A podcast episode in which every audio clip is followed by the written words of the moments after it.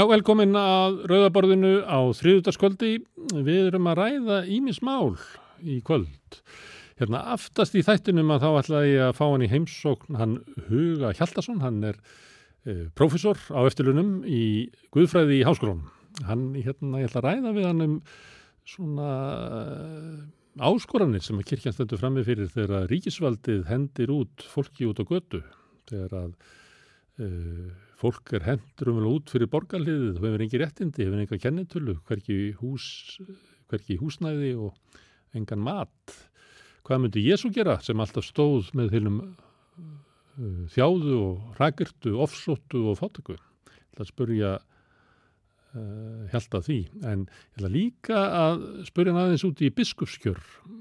Það er á næsta ári og hann skrifaði við annan mann svona hugleðingar um það hvers konar biskup við þyrtum að fá íslendingar og mér herðist það svona að hann uh, vildi helst fá eitthvað biskup svona sem að talar við þjóðina af einhverjum svona andagift svipað og biskupir í Kantaraborg gerir stundum og Páinn á góðum degi talar inn í svona átakamál í samtímjónum. Sjáum til hvað kemur út úr samtalinu með Hjalta Hugarsson.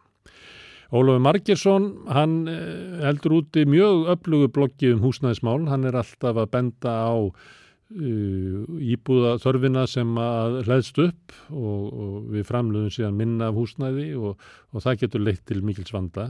Uh, það vantar meira húsnæði því annars getur við lendi í, í stórkuslu vanda.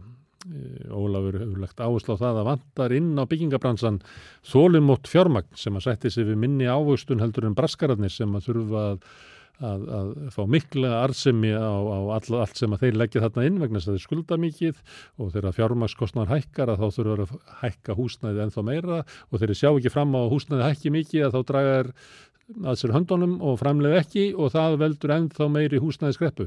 Ræða við Ólaf um þetta vandamál sem er viðvarandi og margt sem bendir til þess að getur versnað rætt og mikið á skömmu tíma. Eitt af þessum aðkallandi vandamálum sem að því miður stjórnvöld eru ekki að mæta. Að, við höfum verið að ræða um sjáuröldismálinn sem er eitt af þessu stóru málum sem að verður lagt fram á þinginu. Það er búið að það að breytingar á sjáuröldistefnunni og það Það er ekkert smá mál. Uh, almenningur er búin að lifa við kvotakerfið í 40 ár og er ósattu við það. Uh, lítur á að kvotakerfið sé uppspretta spillingar, uh, uppspretta ójöfnuðar, kerfi sem að færir fáu mikið en fjöldanum lítið.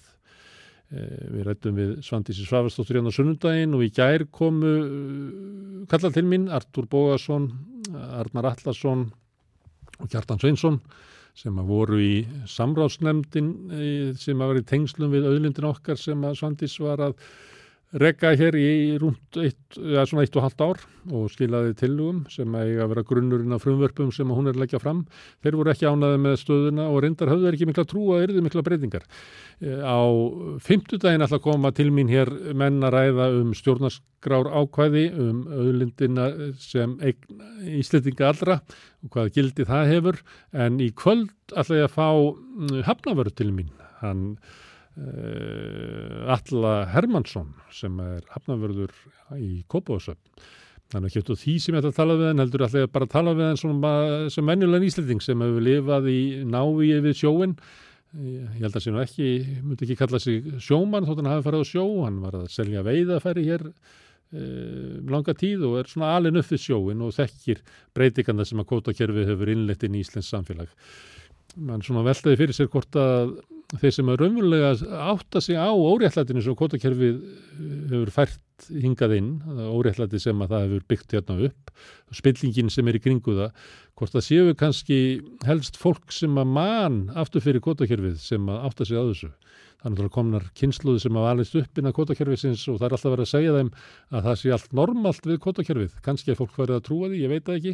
Ætla að ræða við alla hér á eftir og hann ætlar að segja mér örglega einhverja sögur af spillingunni sem er í kringum þetta kerfi. Hvernig menn skilja eftir hagnaði útlöndum, uh, skilja ekki skattfið, borga ekki rétt laun og þarf fram eftir guttunum.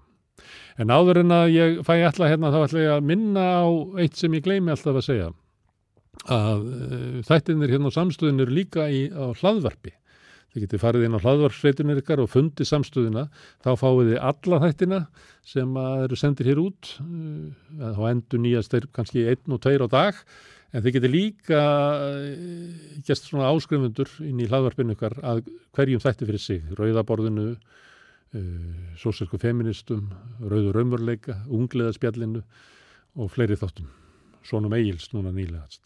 Þannig að Eh, ef þið farið út að skokka eða út að labba með hundin með hlaðvarp í eiranu, ef þið er að keira norður í land og vantar eitthvað til þess að hlusta á, þá getið þið sótt alla þættina í hlaðvarsveitur.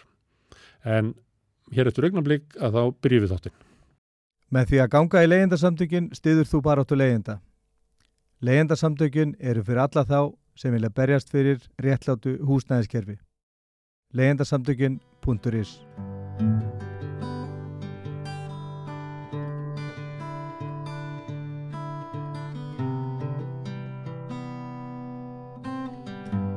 Við ætlum að halda áfram að tala um sjáurðismál sem að snett okkur öll. Hérna, Kótiskiptimáli, Svandi Sváðstóttir Mataláðra var hjá okkur uh, Sigurðan Magnúsi í Svonum Eils á sunnundaginn og í gerðkvöldi þá komu hingað uh, Artur Bógarsson, Arnar Allarsson og Kjartan Sveinsson og voru svolítið að ræða það sem að Svandis var að segja en líka svona hvaða möguleikar að væru á því að, að eirðu ykkur að breytingar á, á sjáurðustöfnunni út frá þessari vinnu í sambandi við öðlundin okkar. Það voru ekki kannski björnsýrinir á því að það eirðu ykkur að breytingar og kannski síst björnsýrinir á að það eirðu ykkur að breytingar til góðs.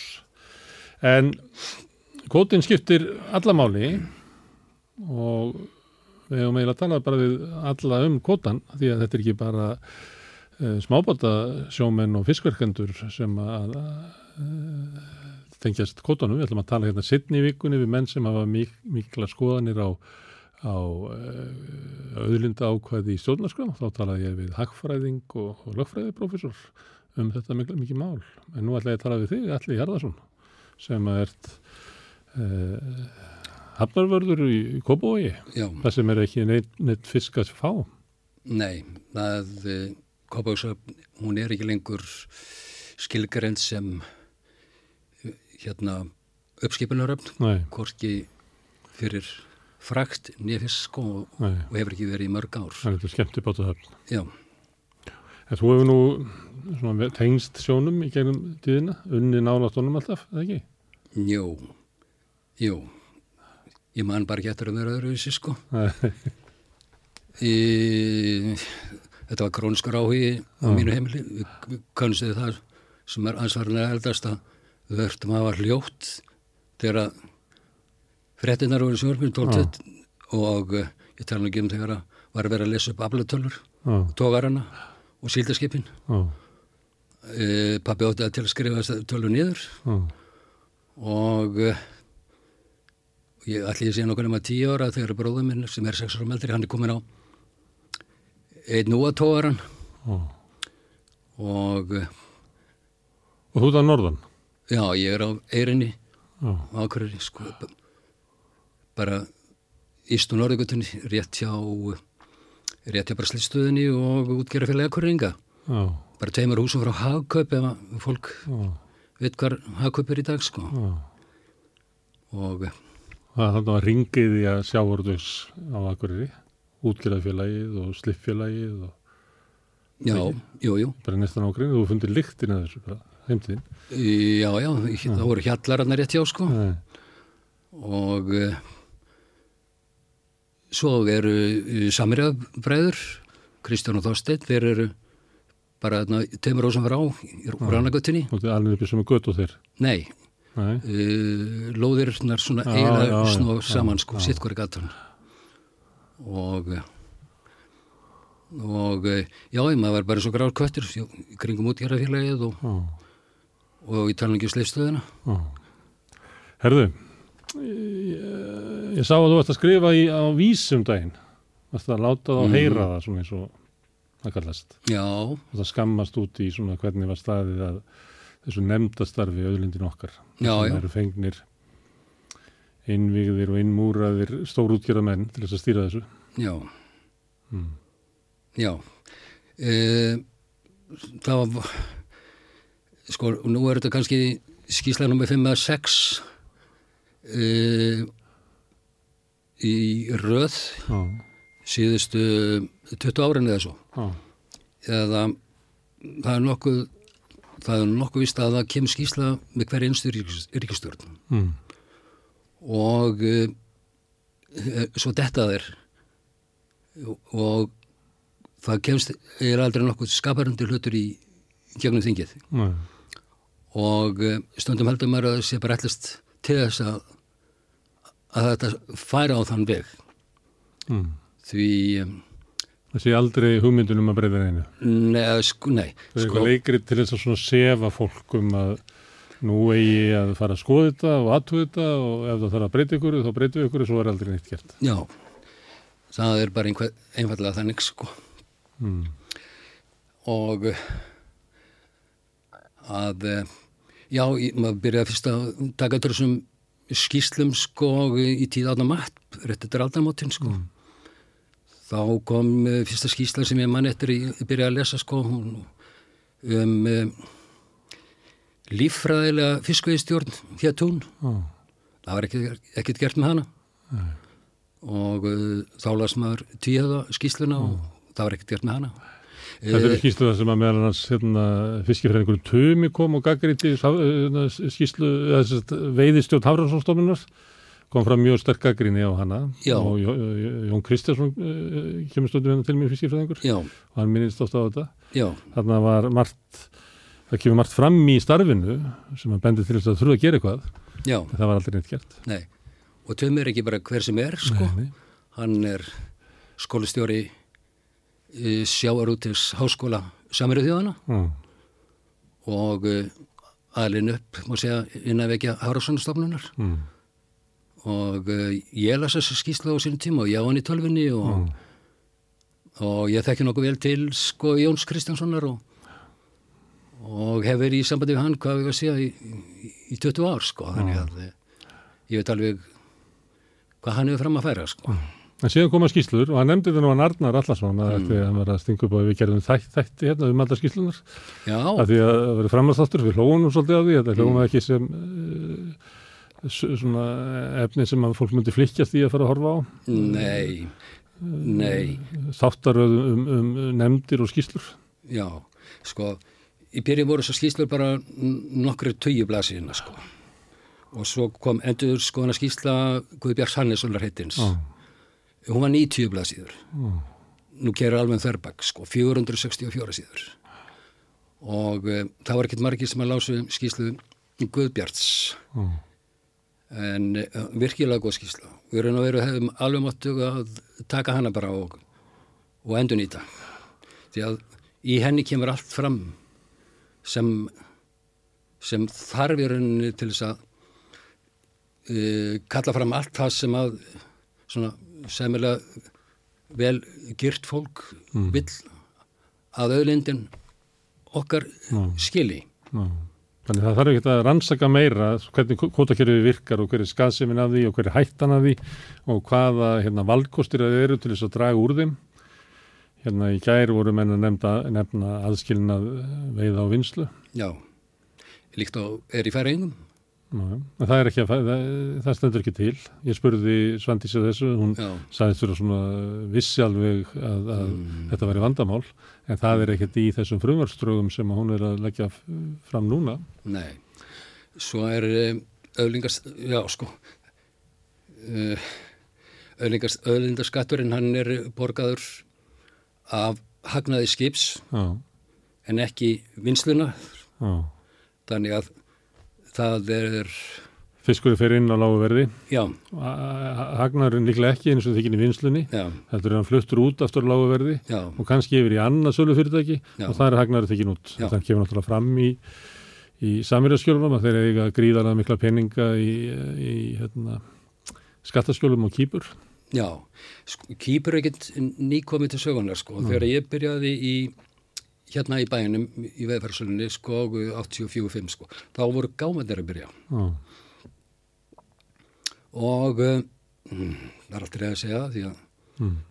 vinnufélagandi mínir eru flestir komnir yfir, yfir móðuna miklu sko uh, en uh, það skilaði sér aldrei þetta var spurning sko við hvern uh, við, með hverjum var að vera að vinna sko það skilaði sér aldrei nema 50, 95 4, 5, 6, 7% heim. Já, hitt fór til kýpur. Já, og tveir reikningar gerður gefnur upp sko. Og þetta vita náttúrulega þeir íslendingar sem að áttu þessi uppbúsfyrirtæki í, að, eða á Hömbergsvæðinu sko. Og Bæði nota kýpur og, og hérna Hermannsons eignar, ég sagði mér ykkur. já, er það Þetta var, maður stöður að Panama-skilin komu. mm. að þá var svona fólk sem var að segja að það var rosalegt að sjá það þegar sko sjáurutus fyrirtækin komu. Þá sögðu menn sem að höfðu sko þekking á þessu, eins og þú kannski, sögðu sjáurutus fyrirtækin er ekki á Panama. Þau, þau voru löngu farin að nota aflandsæðir áður en að Panama kom til sko. já, Þannig að þau eru á Kýpur og þau, kannski á Jersey og þeir eru í Sviss og allstaðar annars þar heldur í Panama sko. þetta er svo uh, gamalt og rótgrófið að skilja eftir hérna hagnaðinni eftir útlöndum sko. já. Ég, ég tek bara eftir þessu sko. Vinnandi fyrirtæki sem var í fiskútflutningi. Uh, 85 og, og um það leiti er svona gámafiskurinn að byrja sko. En maður veit ekki hvernig þetta var þegar SH og, og, hraðfyrstis já, stöðin og, já. og tög fyrirtæki voru hérna í den Og þetta er miklu eldri en það, þetta kemur fyrir í eh, leikritum og söngleikjum með þessi stöld, faktúrumálið og fleira kemur inn í, inn í uh, hérna, lagsnesi frá því, þar sem að venn eru með sko tvöfald bókald. Já, mm, til þess að geta geimt peningin erlendis. já, já fyrir, ég, ég, ég tók, þegar myndi eftir því það var þegar ég var í Skagfjörð eh, 90 þá þá fór Asiakó á hausinn. Það var stæðsta dreifingafyrirtæki og, og veðaförum á Íslandi það sko. Og um, ég fekk inn á bortið mér fullan kassa af möppum frá Asiakó og ég átti vonaði að sjá svona þekkt vörumerkið þeirra sko. Trálegs og Breidon og Nitsimen og, og svona en en e, það var mjög lítið um það í, í þessum yngumba möppum. Þetta voru trading company í Sviss m- meira og minna. Þar sem sem voru að milliliðir. milliliðir. Já. uh, Til þess að geta verið að selta síðan dýrara til Íslands. já.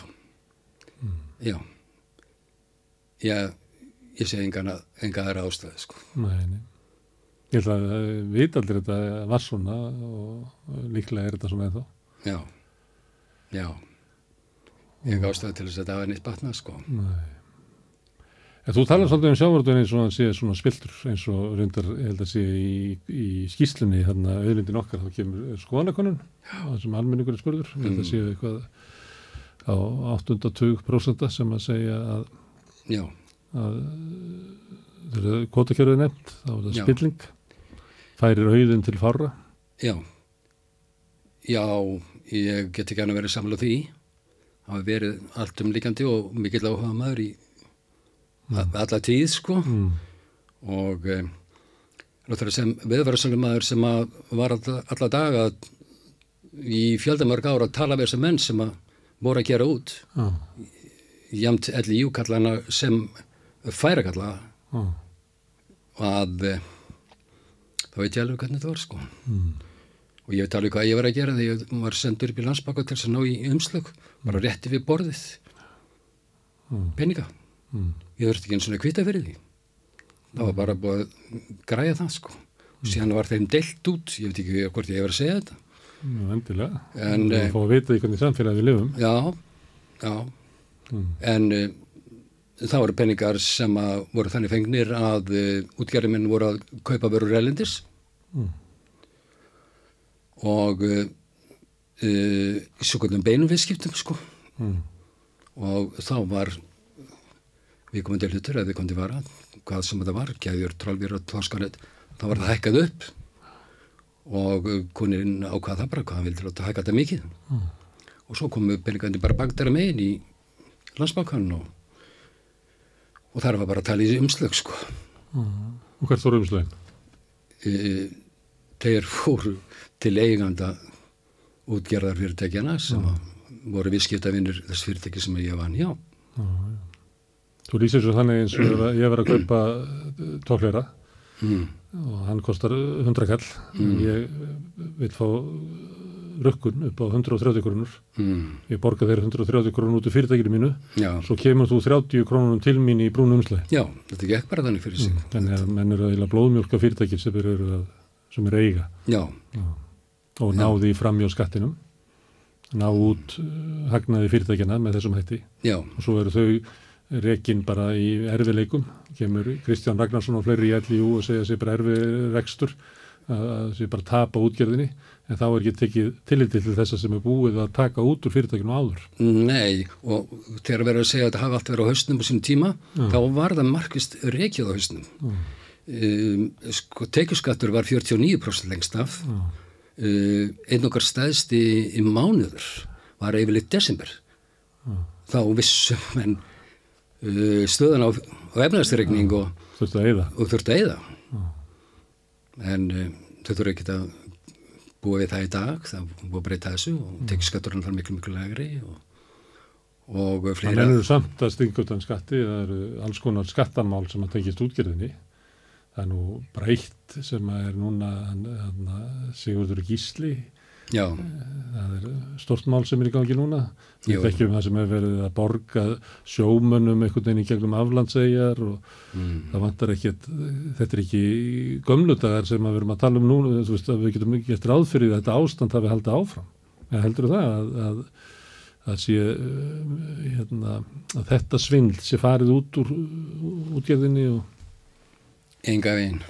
Ég hef enga ástæð til að salla það. nei, Það er einhvern veginn í, í hérna, alltaf sér ekki í genin, ég veit það ekki hvort við hefum fá kára eitthvað til að kika á það, en uh, það er alltaf svo stuttið það að finna einhverja svindliðir. og það er þetta svindl meðal annars sem er verið að verja með því að breyta yngu. Já, Svo takjum já. alltaf þessar skýslur sem þú nefna, sex eða sjö skýslur mm, og ef að stjórnvöld ætluðu að gæta hagsmun almennings að þá myndu að gera einhverja breytingar á kerfinu til þess að auka skattgreislurinnar út úr fyrirtækjunum, stoppa uh, svona svindl, ekki? Jú. Myndu tryggja það að verðlægningin sé ekki stór út í heimi, þetta sé eðlilegt verð hér þegar fisknum er landað og þegar hann er fluttur út til þess að hér sé eðlilega skattgreislur og eðlilega launagreislur til sjómanna. mm, já, já. Ég, það- það er greiðlega margar hlýðar á þessu sko Já. og, eh, og ef við heldum á- áfram svona með skýslunar og hverju kemur ekki neitt út úr þessu það er vegna þess að það er alltaf verið að reyna að fá þjóðanir til þess að sættast við LIU eða SFS Já. Það verður líklega ekki hægt. Nei og eh, þeir hafa þessi eh, sérhagsmunna samtök þau hafa engan áhuga á því. Þau eru með öll spil á hendi. Já. geta leikið sem í stjórnvöld hverjum tíma. Við gríðanlega lobbyism á bakvið sig. Og því skildum við að fara að breyta einhverju sem að gegn Gríðarlega nauð og gríðarlegt afl í samfélaginu. Já, En þau vil ekki breytast. Og þar leðandi er ólíklegt að almenningu sætti sig við uh, stórútgerðina. Almenningu sér í gegnum þetta. já, Það sést það í öllum könnunum og svona almenningur svona sirka veit hvað er í gangi. já. Mm. almenning veit það. Alveg og eh, já, skoðanir kannir sína það sko. En uh, almenningur á einhver hluta vegna mjög erfitt með að setja sig inn í einhverja svona dítela, smáatriði útvarslegu atriði. Þetta, ég er kannski búin að vera að tala við sömu kunningja mína um, í mörg ár um ákveðna hluti og, og þeir kom alltaf ég mikið á fjöllum sko. Að þetta er einhvern veginn vola erfitt að fá ég er bara einföld atrið til þess að síðast inn sko. En uh, en það er uh, já það er skattahliðin, tekjuhliðin og það er mismuninin og uh, bara ósangirnin sko að uh, að uh, þar sem þetta er samign og uh, ég ger enga aðtvarsendið það þó að mér sé að græða eitthvað en, en þegar menn reyna allt til þess að reyna að leggja nokkuð á mörgum til samfélagsins þá þá eiga er ekkert inn í hjá mér sko Svo er þetta líka ákveðin eh, svona hvað fyrirtækinu er stór og öflug. já, það hefur líka eh, áhrif. Maður, til þess, maður heyri valla sko sjómann æmt að skrænta lengur vegna þess að menn líklega vita það að þá bara fáðu ykkur ekki vinnu. Já, Það var í gamla daga, hérna, þá voru sjómun að rífa kjaftu útgjörðamannin. já, já, já, en, en sko, uh, ég held að Artúr hafi nefnt það þannig að það væri bara samílegt Excel-skjál sem gengur á milli þeirra með nöfnu þeirra sem er eitthvað viljum upp dekk, sko. Og ef hann er, út, honum er útýst, sko, fyrir norðan, þá á hann ekki séns og brim heldur, sko. Það er svartu listi, eins og McCarthy tíman. já, að þeir sem að eru að tala fyrir hagsmunum sjómanna gegn hagsmunum útgerðanar að þeir bara fá ekki vinnu. nei, Nei, nei, þetta er svona. já, Ég skrifa stundum um, um hérna, kvotan og sjáurðismál. ég hef tekið eftir því. Já, og svo gerist það stundum svona á föstudagskvöldum upp á tíu að ringja í mig sjóminn búin að fá sér í glas. Já, já, já, og ég hlusta náttúrulega. Svo segi ég við að veist, þetta er náttúrulega ekki lægi að sjómenn sem eiga að vera sko stoltir og mm, að þetta ástand sé að þessi að ringja sko eftir að búin að fá sér í glas veginn sentu kvöld og vilja ræði þetta prívat en ekki tjá svo ofinbilla þetta er náttúrulega, þetta er ekki fallegt ástand sko.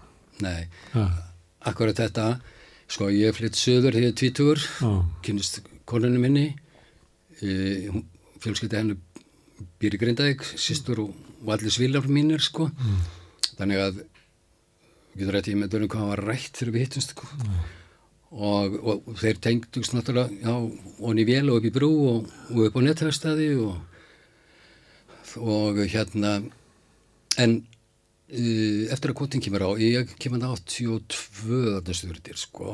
Ég hef búin að vera hann í nokkur ár sko bara sem bara í heimsóknum sko en 82 fer ég hann og uh, það er enginn að og eftir að kvotin kemur á þá uh, þetta er bara eiginlega á Donalog sko. Og uh, það byrja enginn að tjá sig um einnig neitt sko. Uh, það er nema má segja sko það, það er kútmaður kvöldi einu sinni ári. Og, og svona upp úr 11 þegar allir voru passlega konur í glas sko, þá fóru að minna að opna sig sko. Og, og, og vonuðu svo daginn eftir til að allir hafi verið jafn drugnir sko og engin myndi neitt sko. E, þetta var svona helsti tíminn til þess að tjá sig sko.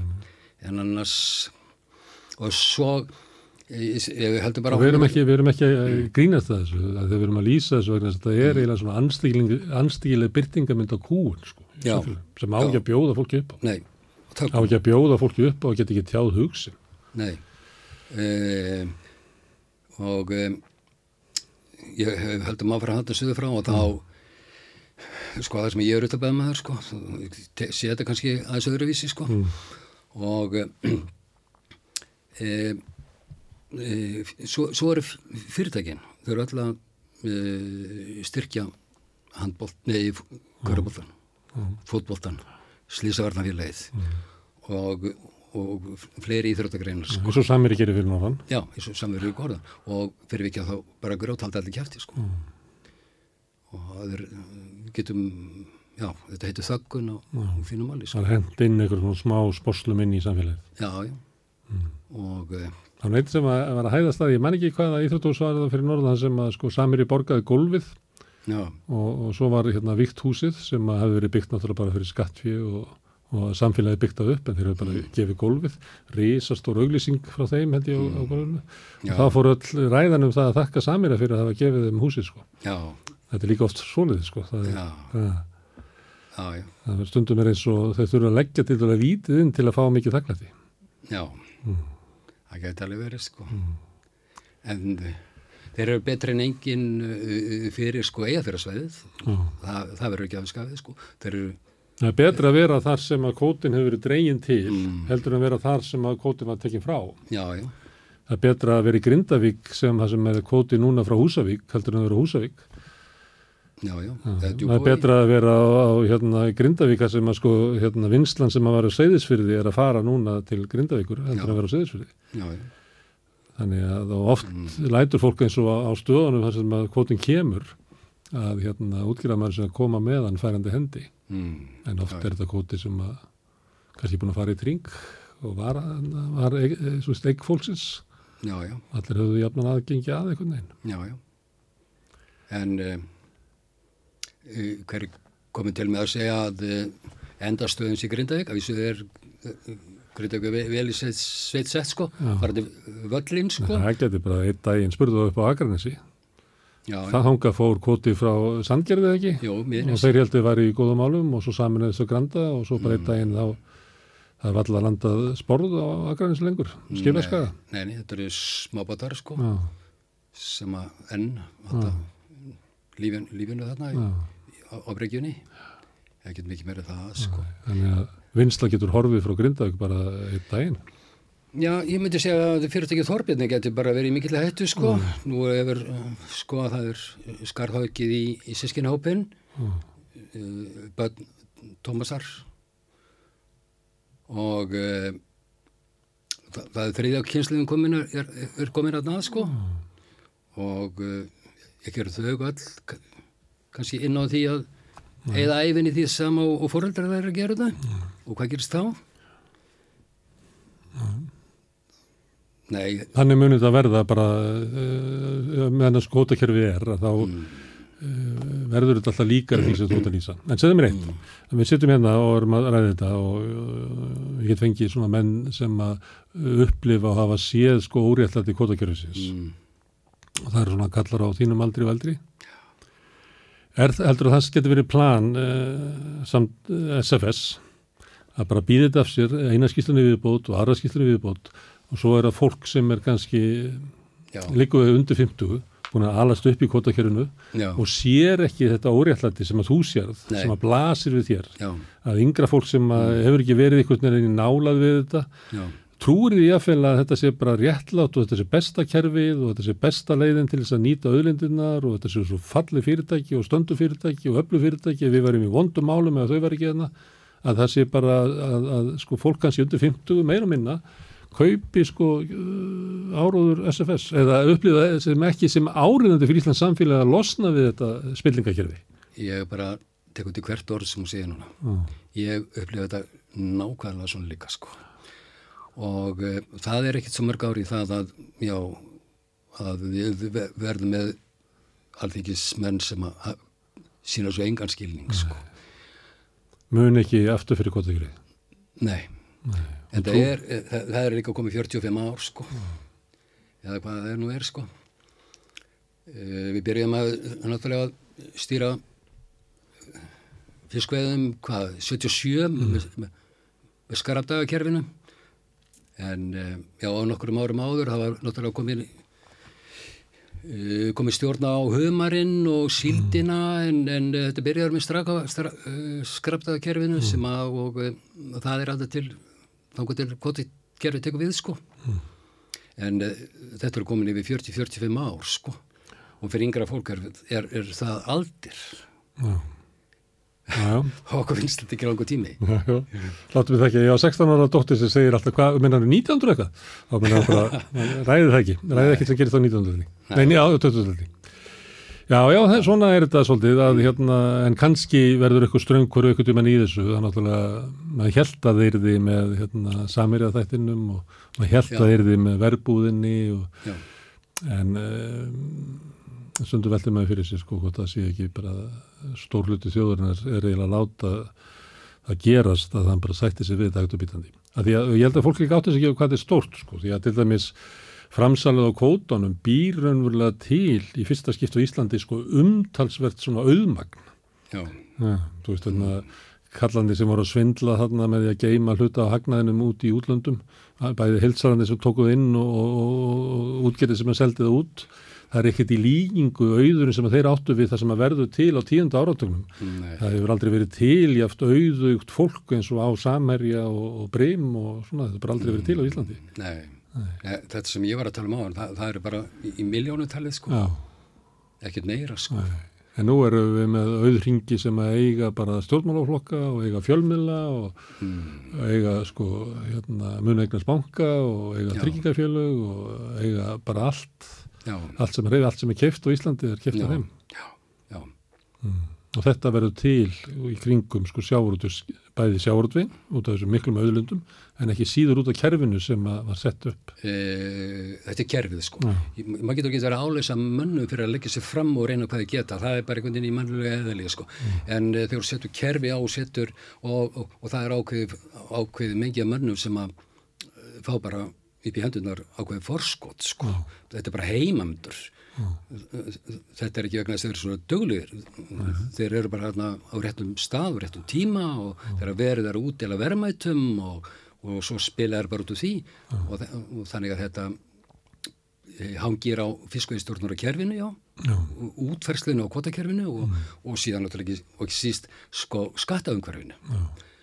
Uh, ef við tökum bara sko, það verður að tala um þeir, þeir eru búin að kaupa og borga fyrir þetta og teki, en sko, allar helstu uh, samringarnar þær gerast á eftir fransalega kemur á 90 til 2003-2004 og akkurat á þeim tíma er, er hægt að eggfæra og afskrifa kvotan í bókaldinu á sér.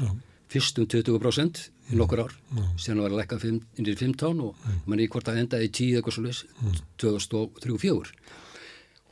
Allar helstu sammenningarnar gerast á þessum tíma og uh, Og þá gerist það þannig að kótin er og þá verður bara skyndilega til alveg gríðalur auður inni í fyrirtækjunum. Já, og uh, og, og uh, háar upp að er, já, og þannig að, hvað kallar þetta, veðleifið, sko. Já. Þannig að, Það- það þannig að þeir sem eru stæðstir gáttu keift mm. linnulöst og þannig gerist það með svona samtjöfum. Já, en fyr- þessi fyrirtæki borguði engar skatt á þessum árum, sko. Þeir, þeir notuður en það sem er áttu að borga í skatta til þess að komast yfir þannig fyrirtæki. fyrirtæki. Og að- ég sé öllu þessu var stýrt í einhvers landsmákan. Mm. Uh, upp á það öllum uh, svona samringum uh, og um, Það voru fyrirtækin, voru þrönguð til þess að láta stærri fyrirtækin kaupa sig. Já. E, það var bara þannig að það var bara ringt í ákveðin aðila. Eruð hérna vinnum minn hérna Búðanesi, það er e, og svo framvegið sko. Og e, ég, er ekki tilvílun á þeim tíma að það var ákveðin maður sem hafði með samringar innan sambandsins, sko, Þetta voru náttúrulega tvær púlíur sko, það voru ein, af engagerinn og, og, og svo sambandsfransóknar faktorinn. Og e, þar var í einstæring maður sem gekk bara hennilega undir e, samdarheitunni slátrarinn.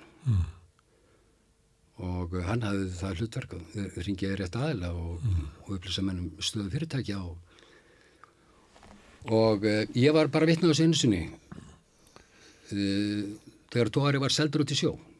Já. hann var ekki eins og við bryggju. Hann var á veiðum. Þegar útgjara maðurinn kemur inn þar sem ég er að vinna.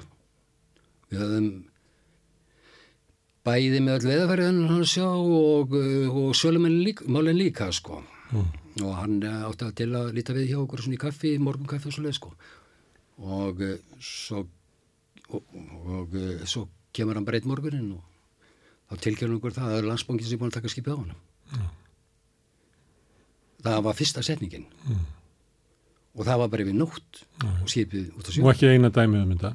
Nei. Kanski réttlæti bankin þetta með því að þarna ertu með útgerð sem að hérna, skuldar mikið og er, er í vanskilum að því að var dreigið aðeins saman kótinn og, og þau voru óeppin og voru nýbúin að endur nýja skipið og þannig að skulda mikið. Já. En það er eiginlega betra að við tökum skuldirnar sem hann Jói skuldar okkur og flytjum það hérna yfir í samherja sem við tristum frekar til þess að borga skuldirnar. já, Þannig mögulega réttlæti í bankirinda en á þessu tímabili þá voru færðar eignir alveg í stórum, bara stórum stíl frá svona smerri, millistórum útgjörðum yfir til þessara stóru sem að komu bara og keftu upp allt sem að já já, og þetta var náttúrulega stjórnvaldsaðgerð þetta var gert ekki hennum ríkisbanka og, já.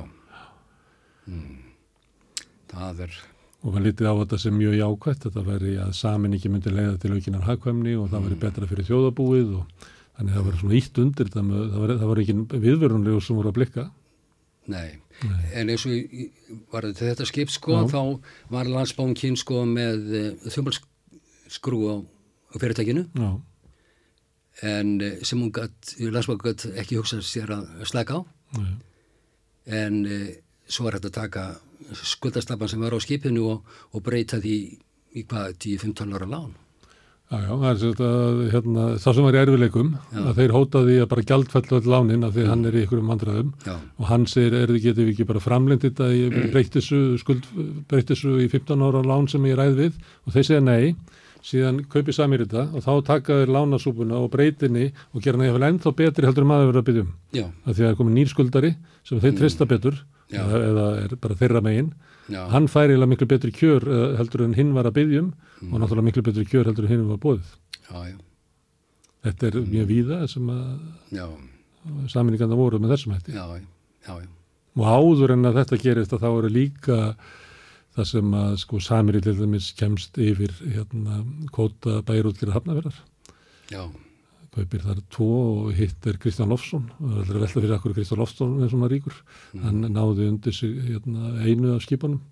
Já, og tveir, tvö fóru þetta var selt fyrir Google Kanil já, og hafnafjörður, hafna, hafnafjörður væri bæjarfélagi væri sko með ríkari bæjarfélagum í, á landinu ef þeir hefðu hérna, haldið í, í kótan já, og svo er það náttúrulega skipstjórakvotin hjá, hjá Samerja það er svona marga hérna, maður myndi rekja sögu þess hérna, ég, þú ert búin að gera það, já já, eða svona í bútum. Þá sést þetta svo vel.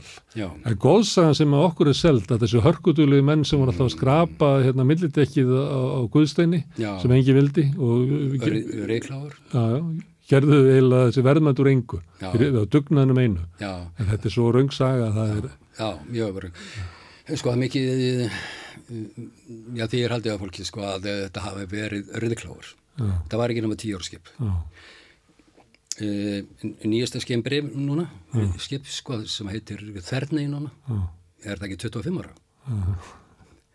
Og uh, örfyrir segi sem að var verið að selja núna það er ekki rúmlega þrítugt? Já, og uh, aflæðist í tóarinn hérna í Sildavislunni fyrir austan sko eh, hvað hann heitir í mann ekki. Spámeri er stór sko. Hann eh, bara einn aflæðist í tóar á landinni fyrir og, og hann er síðan 1972 en uh, samtátti Guðsteinn að vera að reyðrúa en það er að fjarrri því sko. Fyrir þetta ekki skipið var við Breykjavík eitthvað eitt og halvt ár. Það var sérstakum maður hjá bæjarútger hefnafyrðar sem að sá um skipið. Fór alltaf þar um borð.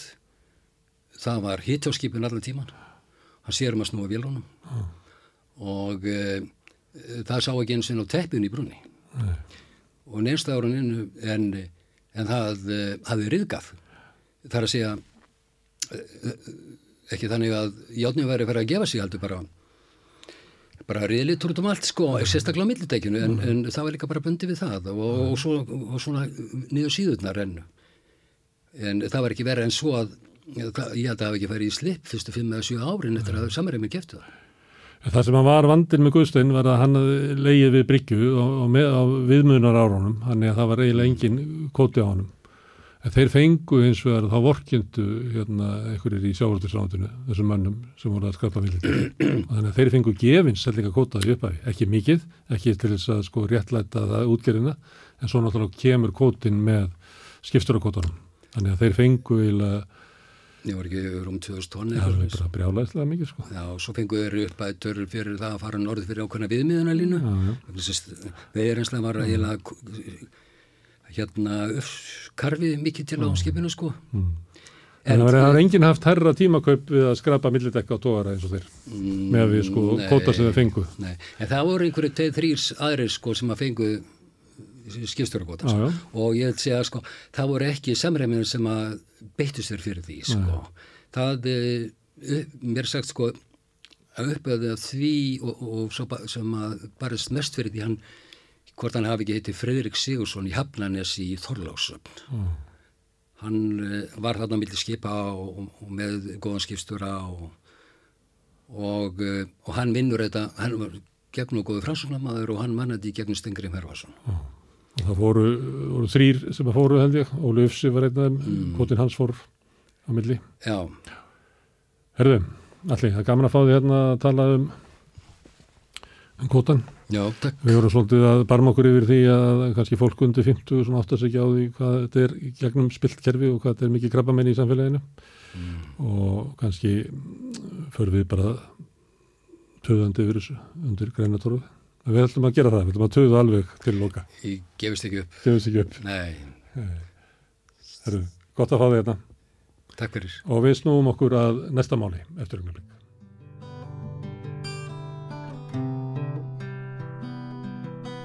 Já, við ætlum að tala um húsnæðismál, við ætlum að ræða um já, íbúða þörfina, hvað vantar mikið húsnæði og okkur er ekki framlegt upp í það sem að vantar. Hvað, hvert er eiginlega vandamálið? Þetta kannist við úr umræðinni, það eru ásakanir sem ganga fram og tilbaka um það hver er ástæðan að, að það er ekki búið upp á nógu mikið húsnæði og okkur þessi húsnæðiskreppa er og sumi segja hún sé bara dýfka og á, á, áhorfið sé ekki e, gott þegar það er frást fram á tíman. Herðu, Ólafur Margesson, hann hérna býr í Sviss en hann er alltaf að skoða íslenskan húsnæðismarkað. Kontur sæl og blessaður, Ólafur. Sælvertu, hverjar? Herðu, sko, það er eins og að sé verið að draga úr hérna, húsbyggingum en e, það er líklega ekki að draga úr þörfinni fyrir íbúðir. Það er íslendingum mm -hmm. að fjölga og hvað hvaða markasprestur er þetta eiginlega? Uh, það er bara aðskaplega einfalt. Byggingarkostnæður á leiðinu, fjármannskostnæður hefur aukist. Uh, ég get minnst á, það er ekki bara á Íslandi, um, ég get minnst á það sem dæmi að í Evrópu þá hefur byggingarkostnæður fyrir, fyrir íbúðurhúsnæði hefur hækkað um 20, 30, 40% síðan uh, 2020. Og það er bara einfallega vegna þess að það var skortur og á uh, byggingarefnum, frambóðskæðirnar klikkuðu og það voru tafir og svo framvegis. Og þessi aukni byggingarkostnaðar hefur meðal annars líka sem svo aftur stað á Íslandi. Þannig að það er nummer eitt. Í öðru lagi þá hefur fjármannskostnaður hækka mikið á Íslandi. Sem einfallega þá að lóku þegar þú tegur þetta allt saman sama. Um, ofinni, sem sagt, óvissuna í rauninni hvað verður um íbúðarhúsnaði, sem sagt verð á íbúðarhúsnaði. Uh, þá einfallega endur það á því að það er, minni, það er minna sett það eru færri möguleikar í bóði til þess að byggja heldur en áður og þá einfallega bara dregur úr byggingaframtöðu. Þannig að verðtakarnir þeir horfa fram á að kostnæðurinn við að byggja er að hækka, bæði efniskostnæður og fjármárskostnæður og það er svona óvís um það hvort að þeir geti velt því út í verðlægið, hvort að íbúið verða hækki og þar leðandi halda þeirra þessu höndum. Einfalt, náttúrulega. Mm. En svona er markaðurinn og hvað þurfum við að gera þá til þess að breyta þessu? Þurfum við að fara út í áallana búrskap? Aldrei að fara út í áallana búrskap. Aldrei. Æ, það er langt best að breyta undirleikjandi kerfi þannig að það íti kerfislega undir meira frambóði. Það má minga sem dæmi kostan við það að flytja inn byggingar efni. Það má einfalda byggingar reglugjörður. Það má íta undir það að uh, núverandi byggingarverkefni. Þau fari í gegnum uh, skipulagsferli sem dæmi hjá svutafélögum og svo framvegis. Og á sama tíma þarf að íta undir að það sé langtíma hvati til þess að byggja sama innan gæsalappa hvað er að gerast fyrir vöxastöð og hluti af því sem er verið að gera til dæmi, eða hefur við gert sérstaklega í Þýskumannandi landum með Európu í marga áratögi það er en einu sinni að íta undir það að stórir stopnarna fjárfestar á bóð við lífurinsjóði og líftryggingafélag við sjáum sér hag í því og byggja íbúður til þess að leia þeim. Og þetta kerfi vantar á Íslandi. Þetta er, það er auðvelt að íta undir það, að það sé kerfislega auðveldara að bregðast við skorti á húsnæði á Íslandi einfallega með því að byggja meira en þetta kerfi er ekkert staðar enn sem komið er á Íslandi. Hvað, um hvað snýst þetta? Snýst þetta um það að fá þá inn í svona byggingabransan sem eru gera síður kröfur um, um mikinn arð á skamum tíma til þess að mæta kostnaði sínum, frekar að vera með þólumótt fjármæk sem getur beðið af sér einhverja sveiblur eins og við erum í núna þegar vextinnir hækka um skamma tíma og ég held að menns ekki rekna með því að þetta veri næstu 20 ári svona, þannig að ef einhverju horfa til langstíma að hann geti svona beðið af sér á þess að þurfa veldi svona skott út í verðlægið og ef það tekst ekki bara draga að sér hendurnar og framlega, hætta framlega. Er það málið? Það er nákvæmlega það. Þú þarfst að bjúa til kvata fyrir þólum átt fjármakt til þess að byggja íbúður til þess að leia. Og nota benni það er mikilvægt bæði fyrir fólk sem vil eiga íbúðuna sem það vil búa í sem og fólk sem vil um, búa í leiguhúsnaði eða þarf að búa í leiguhúsnaði eða þú vil orða það þannig að þessi hluti af fasteignageranum hann þróist. Þannig að þess að auki frambóð af leiguhúsnaði að dregur úr verðfristingi almennt, bæði á leigumarkaði sem og á eignamarkaði og þar með er einfallega þægilegra og auðvöldara og ódýrara fyrir alla að eignast húsnaði ef þeir vilja það, ef það er kerfislega ítt undir að það sé meira og meira af leiguhúsnaði í bóði. Það er annað sem er gert. Þannig að leigu, mikið frambóð leiguhúsnaði heldur niðri verði á, á sölu íbúðum til lengri tíma, hefur þannig áhrif? Rétt, nákvæmlega. Það er annað sem er gert uh, og það er að passa, passa það sérstaklega að sé ekki of mikið af um, lánum sem, sem er notað til þess að um, byggja nýjar íbúð. Vógun í, í svona kerfi er ofta lægri og ég get nefnt sem dæmi. Um, það, eru, það er til lagarami í Sviss sem hefur verið fastegna fjárfestingasjóður sem Uh, þú færð, ef þú ert þannig sjóður, þá færðu skattaafslátt en þú mátt bara vera með 30% af vógum á, á hérna, sagt, þínum efnahansreikningi. Það er að segja 30% af eignum uh, má vera í formi lána. Sagt, ef þú ert með 100 í eignir, þá máttu taka 30 á lána það er það sem ég er að reyna að segja. Það eru gerðar eigin fjárkröfur á þá sem eru inn á þessu markaði. Til þess að það sé ekki einhverjir eh, braskara sem eiga lítið eigið fjö, mikið að lánsfjö og þurfa þar leðandi að velta háum fjármarskostnaði sínum yfir á leyendur eða köpendur.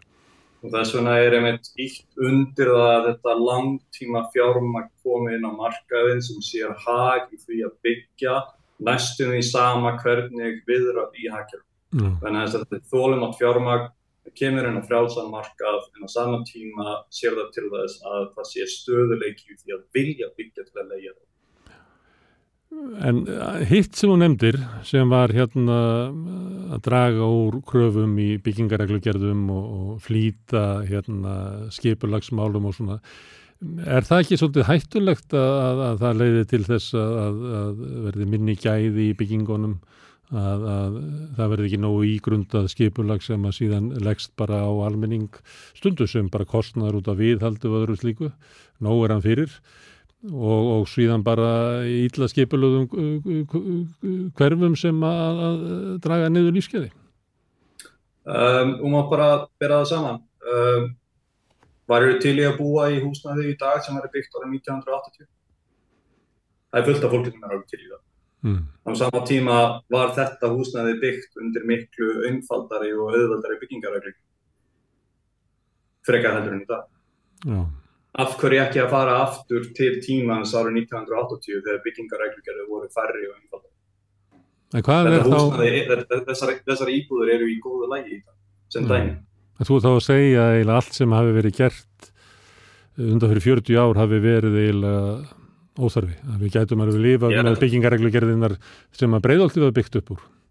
Ég er að taka dæmi, ég að segja að allt sé gagsluð. Þú hefur grunum að það sé ofmiklar hvaðir hafi verið settar sem ekki skila almenningi nógu miklum gæðu miða við þann kostnæðarauka sem það veldur uh, í byggingunni og, og þar með herri húsnæðiskostnæði til lengri tíma. Í mörgum tilvökum þá er það um alltaf sem mm. dæmi. Og ég get, ég, ég get nefnt dæmi hérna elendist á, því að ég þekki það marga ávíðlega. Í bandaríkjunum, í mörgum fylgjum í bandaríkjunum, eða ríkjum í, í bandaríkjunum, það er gerð krafa um það að séu tveir stigagangar fyrir fjölbílítshús, staðin fyrir bara einn. Það er bara einn, venjulega er bara einn stigagangur í fjölbílítshúsi á, á Íslandi. En þessi tveir stigagangar í fjölbílítshúsum í bandaríkjunum ítir mjög undir það að það sé miklu meiri kostnaður á hverja íbúð sem er byggð í fjölbílítshúsum miðað við ef það er bara einn stigagangur. Mm. Þetta er gert til þess að koma í vekk fyrir að fólk innilókist þegar uh, verður eldur mm. í fjölbílishúsum. En það er hægt að leysa slík vandamála á annan og, og einfaldari mátu. Það má verið með brunastega utan sem dæmi. Og það er þessi, þessi einfalda hugsun sem við þurfum að, að einbæta okkur að getum við einfaldað skipulagsfellin, getum við einfaldað byggingar reglugerðir á Íslandi með það í huga að mæta þeim markmiðum sem þeim er ætlað að mæta, mm. sem dæmi öryggi, aðgengi og svo framvegis, en á sama tíma þá auka þeir ekki kostnað á hverja íbúð sem er byggt. Það er mm. þetta sem við þurfum að gera. Mm. Og út frá því hvort að almenningur geti borið kostnaðin af, af sem að kemur með þá auknum kröfum eða ekki. Nákvæmlega, en að þess að aukna kröfur enda í því að byggingkostnaðir fyrir upp sem þá endar á því að íbúð er ekki byggð nema leigan sem nægilega há. Mm.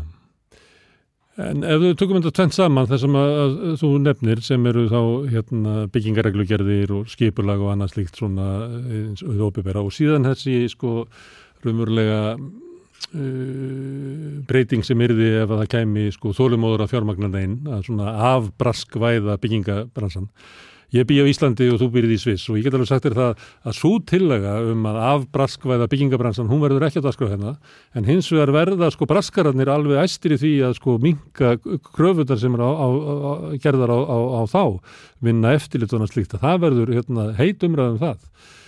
Ef þú mætti velja hvort, hvort pakkan þú vildir, hvort þú vildir af braskvæðinguna eða hérna, minni reglugerðir, hvort myndur velja? Uh, Leiklega myndi það að vera þólum þeirra fjármagn, en þetta er ekki, þetta er, þetta er ekki blessunarlega þá er, það, þá er þetta val sem útjóðungar ekki. Nei, nei. Herðu, en þú ert búin að vera að taka svolítið saman á, hérna inn á síðunniðinni, þar sem þú ert að bera saman sko uppbyggingu, hann áttúrulega hrundi hér byggingarbransinn eftir hrun og svo tekur hann við sér svona þegar ferðamannabólan byrjar og haggjörðu fyrir ganga aftur.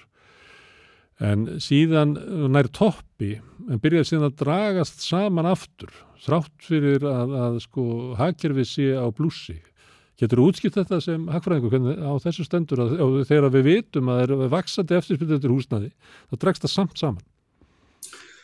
Uh, Það er aðskaplega einfalt. En þess að þegar þú ert byggingavertaki mm. þá horfur fjögur, kannski fimm ár fram í tíma og þú verður að gera þér einhvers konar væntingar um að hvert verðið verður á íbúðinni þegar þú annarkort selur hana til stofnarnar fjárfæsist sem ætlar að leiða mm.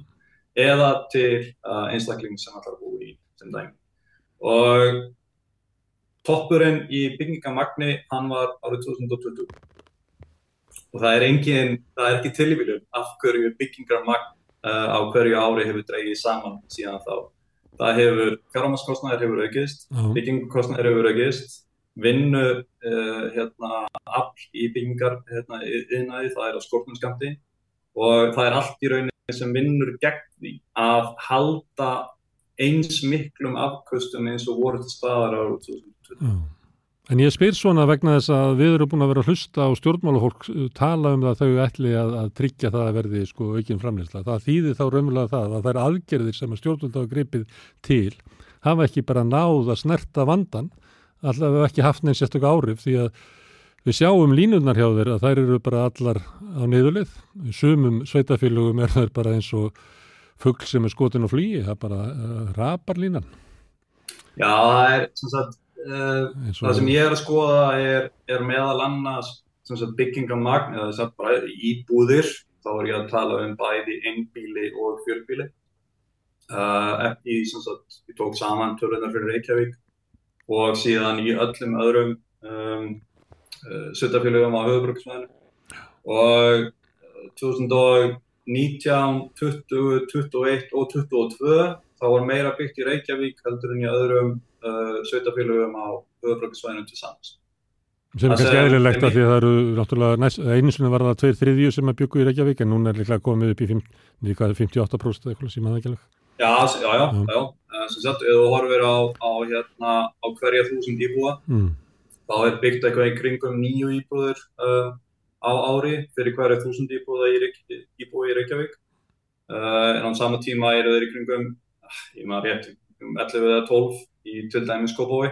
Uh, Garðabær stendur sig best, Mósöldsbær rétt, rétt og eftir Garðabær. Mm. En það sem er mikilvægt að hafa í huga líka er að það hefur ekki verið meira byggt í Reykjavík á hvern íbúa á þessari öll. og þannig að þjættistefnan sem hefur verið átt í stað sem dæmi það sem það hefur verið að auka íbúðamagn á hverja lóð sem er bóðin fram, hún hefur virkilega haft jákvæða áhrif á byggingamagn í Reykjavík síðustu ár. Hún hefur allavega ekki dreyið úr því eins og er svolítið haldið fram í umræðinni. Það er það sem að þú ert til að draga fram að, að, að skipulastefnan í Reykjavík hefur ekki leitt til þess að það sem minna byggt í Reykjavík heldur inn í hinum sveitafélónum. Og það er afskaplega einfalt að sjá af hverju. Ástæðan er svo að byggingarkostnaður er bara íbúð, hún hann dregst saman þegar þú leifir það, leifir byggingarverktum að byggja fleiri íbúðir á hverju lóð. Jafnvel þótt að lóðarverðið það eru. Já. Menn að þess að lóðarkostnæðurinn hann dreifist á fleiri íbúðir. Þetta er afskaplega einföld starfræði. Já. Þannig að ef maður horfir á út frá verktökunum að þá er byggingarskipilagsmálinn í Reykjavík betri, verktaka vætni. Ekki bara, ekki bara fyrir verktaka, þetta er líka fyrir þá og fólk sem eru að flytja inn í íbúðinu, þess að einmitt með því að halda byggingkostnaði niður, þá ertu að halda niður kostnaðinum á íbúðinu þegar hún er tilbúin, sem er þegar hún er seld til annars, annars vegar fólk sem vil leiða út eða fólk sem vil búa í. Mm. Það verður alltaf, alltaf að íta undir það að byggingkostnaði sé að halda niður eins mikil og hægtir. Mm. og því miður þá hefur það ekki verið gert á Íslandi og þá er ég að tala um byggingakostnad á hverja íbúð og það er meðal annars gert með því að hafa aukna þétt upp að vissum mark og það er, það er ekki það sem hefur verið gert á Íslandi síðustu áratví það sem hefur verið gert á Íslandi síðustu áratví hefur verið að byggingakostnadi hefur verið leitt að hækka þannig að það séð á mikill af vandkvæða en það var bara hægt að lána fólki pening til þess að kaupa íbúðanu þegar hún var tilbúin eftirspurnarliðin og það var það sem, það sem stjórnvöld voru að beita sér heldur í því að halda byggingarkostnæðinni. Já, og svo leið að við erum líklega á okkur svona tímamótum að það er ekki hægt að fara lengra þá leið að, að, að bæta bara aðgengi fólks að, að lánsfíja eða, eða lekka vexti til þess að það verði framleitt meira húsnæði. Það verður að fara að horfa á þetta til svona lengri tím og lekka byggingakostnæðin og uh, húsnæðisbyrðin á almenningi. Og auka, og auka stöðuleikan í því að það sé byggt og það er meðal annars gert með því að fá þólum út fjármang til þess að koma og fjárfesta í því að byggja til það. Mm. En staðan að, að það náttúrulega var lítið byggt þarna árunum eftir hrun og en það má eiginlega maður getur séð það kannski á svona leiguverði með, með leiguverði að kannski er húsnæðiskreppan er að fæða svona 2011, 2012 sem, sem við erum í í dag og síðan er hún bara búin að versna. Það er kannski að taka 2019 og 2020 með sömu framleyslu þá hefði þetta kannski skánaði yfir einhvern langa tíma. En það er eiginlega eini tímin þar sem sko framleyslan er svona gæti slegið á eftirspötuna síðan er, er bara eftirspötuna að vaksa, framleyslan að minka og fyrir sjáanlegt er svona næstu missurum og jáfnveil árum að sko framleyslan verði langt frá því sem að eftirspötun er. Þannig að væri það og svarstýtt að segja það að við varum kannski að sigla inn í sko hérna, verri húsnæðskreppu heldur en við höfum upplifað hinga til Hei, tja Sko, veistu hvað voru margar íbúðir beigðar á öðrbrekkarsvæðinu árið 2012? Það voru umveg 300. Já. Þannig að ég held að við séum ekki á leiðin í svo. Nei, ég minna þá voru ekki að, að flytja til landsins sko 8-9 manns. Nei, og, þá voru ekki túristar sem að voru kannski á hverji nóttu sko 25.000 á landinu. Nei, ákveðlega. En núna er sko þörfin er búin að vaksa svo mikið. Aðjá, og blessunulega hefum við byggt hótel meðal annars til þess að, að hýsa, hýsa túristana sem dæmi en það er rétt, það er sko þegar þú ert að horfa á, á hérna, aukninguna á, á hverja þúsund íbúa sem dæmi mm. þá eins og ég myndist á áðan þá hefur aukningin verið hérna, uh, hún hefur aldrei verið eins mikil í Reykjavík uh, á þessari öll allavega eins og áður. Uh, Kópáur, Garðabær og Mósfjöldsbær hafa staðið sér best við því að byggja síðan það og það þarf einfallega að halda áfram. Og það þarf að halda dampinum sem hefur verið að meðaltali síðustu 2-3 ára og við erum að missa þennan damp. Mm. Og það sem er virkilega hættulegt að við endum í það er að við endum í hagkerfi þar sem það er undirliggjandi skortur á já, bara einfallega fastegnum, bara einfallega íbúðum til þess að hýsa fólk á Íslandi Mm. en á sama tíma er ekki nægilega mikill kvati til þess að byggja íbúð. Og þessi kvati er meðal annars þessi kvati, fyrir ekki þessi kvati er meðal annars ekki til staðar, meðal annars vegna þess að fjármáskostnaður eru. Já. Það, já, það er að þetta spyrja um þetta. þetta- að Við erum að inn í þess vegna- svona. Þess vegna er svo mikilvægt að það verði að bregðast við sem fyrst áður en við endum í einhvers konar spíral þar sem það verður virkilega meira vandamál fyrir bara hið almenna fólk og sérstaklega fólk sem er að koma til Íslands sem er langmest á leigumarkaði með Íslandingar sjálfa. Það er virkilega mikilvægt að leigumarkaðurinn á Íslandi hann verið eigður upp, styrtur, stækkaður og stopnarnir fjárfæstar komið aðanum til þess að, að, að sjá til þess að frambóð sé nægilega mikið til langstíma. Mm. Það þýðir ekki sem dæmi, það var í skamtíma, það var í skamtíma laust í besta falli að takmarka of mikið getu leigusala til þess að hækka leigu sem dæmi. Þannig að þá ertu að á semstundis að draga úr kvatanum til þess að byggja langtíma frambóð á markaðan. Ég skilða mjög vel að leyendur á í dag þeir eru hundfúlir og þeir eru að sjá hækkanir sem eru miklu, miklu meiri heldur en í mörgum öðrum landum. En langtíma lausnum við því er ekki að takmarka hækkuruna of mikið á milli ára sem dæmi í leigumarkaði heldur að byggja meira. Og það er þar sem það verður að íta undir að frambóði sitt stað. Og ég held að leigu, leigjandur sé ekkert fúlir, sko. Þeir eru bara eigi efna þessu, sko. Þeir bara geta ekki, ég finna leigjandur myndi segja við þig, Ó- Ólafur minn, bara við getum ekki borið, sko, þennan kross af hérna klúðri í húsnæðistefnun hinga til með því að, að taka okkur enn frekari hækkun á húsalegu. Það bara, við getum það ekki. Þannig að það getur vel verið að þér, þetta, þetta raski einhverju þinni hugmyndum, sko, hvernig hinn færi markar eigi að virka, þetta bara virkar ekki fyrir okkur. sko. Þá bara endar á því að það verður ekki frambóð. Þá verður við bara ég meni, það er bara þannig að þú getur, getur ekki lagt meira á, á láluna fólk heldur, þau sem er að borga 70% af hérna, ráðstunafjössinu í húsalegu í dag þú getur ekki lagt meira á þetta fólk Já, Þannig að, þess vegna er ég að segja að það verður að byggja meira. já, Lausnin er, langtíma lausnin er já, að byggja meira.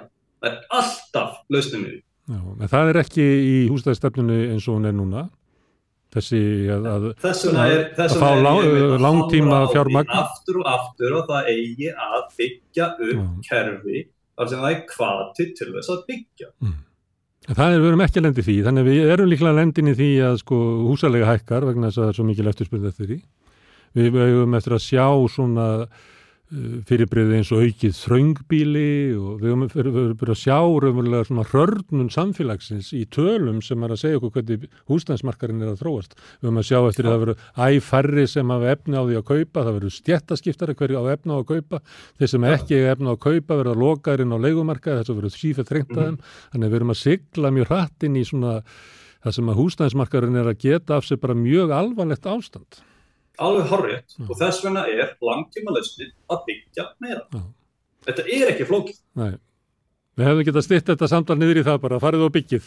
Ættið að tala, ættið að tala, ættið, ættið að nota Excel-skjölinn ekki að fá ykkur skóplu og farið að grafi grunn og farið að byggja. Það er bara þannig. Bara því miður það verður auðvitað að sjá til þess að sinna eiginlega byggt. Og ég er alveg hjartanlega saman með þér. Það er ekki verið að sjá til þess í dag. Nei. Og ég er alveg fullviss um það að ef það er ekki gert þá endar þetta með einhverjum pólitískum óruga og vittlesu og öfgaríki. Herðu, Ólafur, alltaf gaman að slá til þín í, til Sviss. Þetta ég, Takk takk fyrir mig. Takk. og við snúum okkur að næsta máli.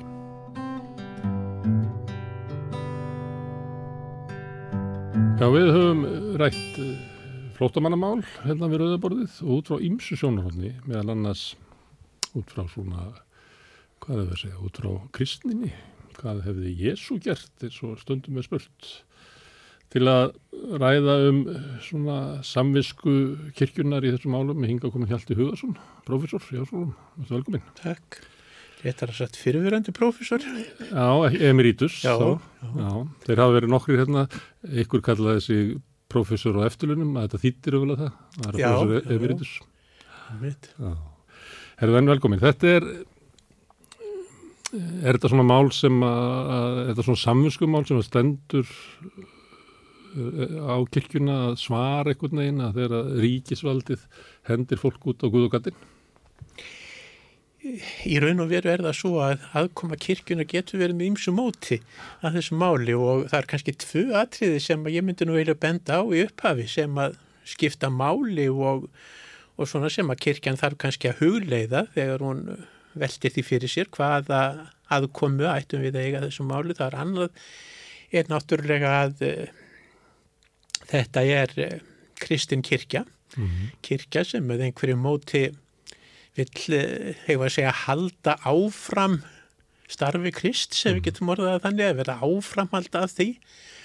Og, uh, og þá ber henni svona að líta til Krist sem fyrirmyndar og fordæmis og, og einmitt svipað og þú veltir upp að, að velta því fyrir sér hvað, hvað hefði Kristur gert Já. og síðan er þetta Og hann stóð alltaf með hinnum þjökuð og hrjáðu, ofsóttu og Já, lítilsvirtu.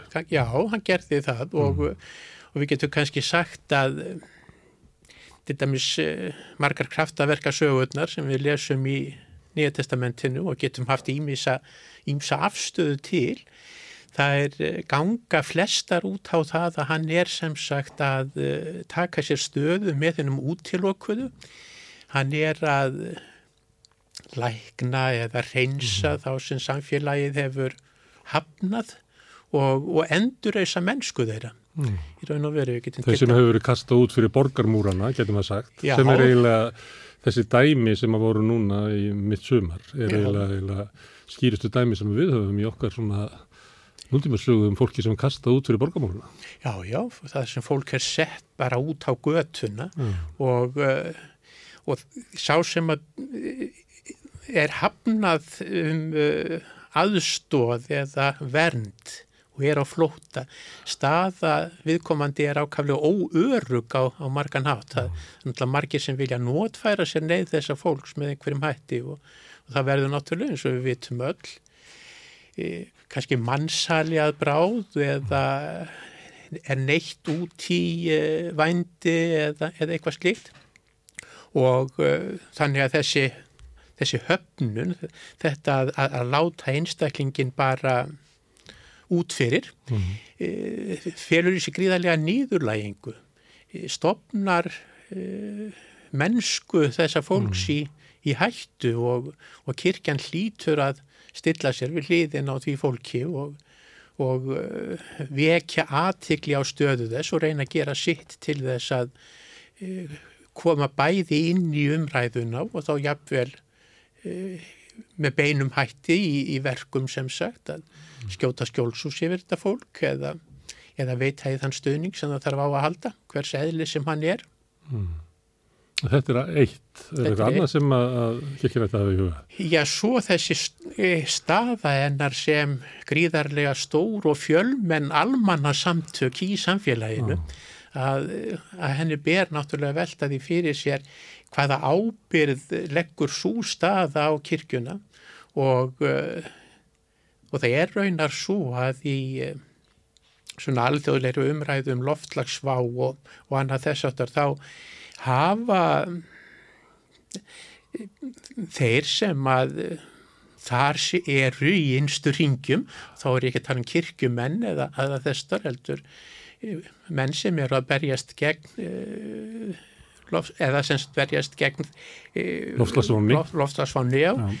að, uh, að þeir hafa bent á sko að að hlutverk trúar bragðanna trúar stopnanana geti verið gríðarlega mikilvægt vegna þess að þær eru yfirleitt svo fjölmennar eins og lúterska kirkjan hér og aðrar kirkjudeildir og önnur trúarbröð annar staðir í heiminum hafa svo beint aðgengi að fólki og móta víða svo mikið viðhorf fólks að, að það sé alveg nöðsynlegt að, að slík samtök verði virk í, í umræðu og aðgerðum.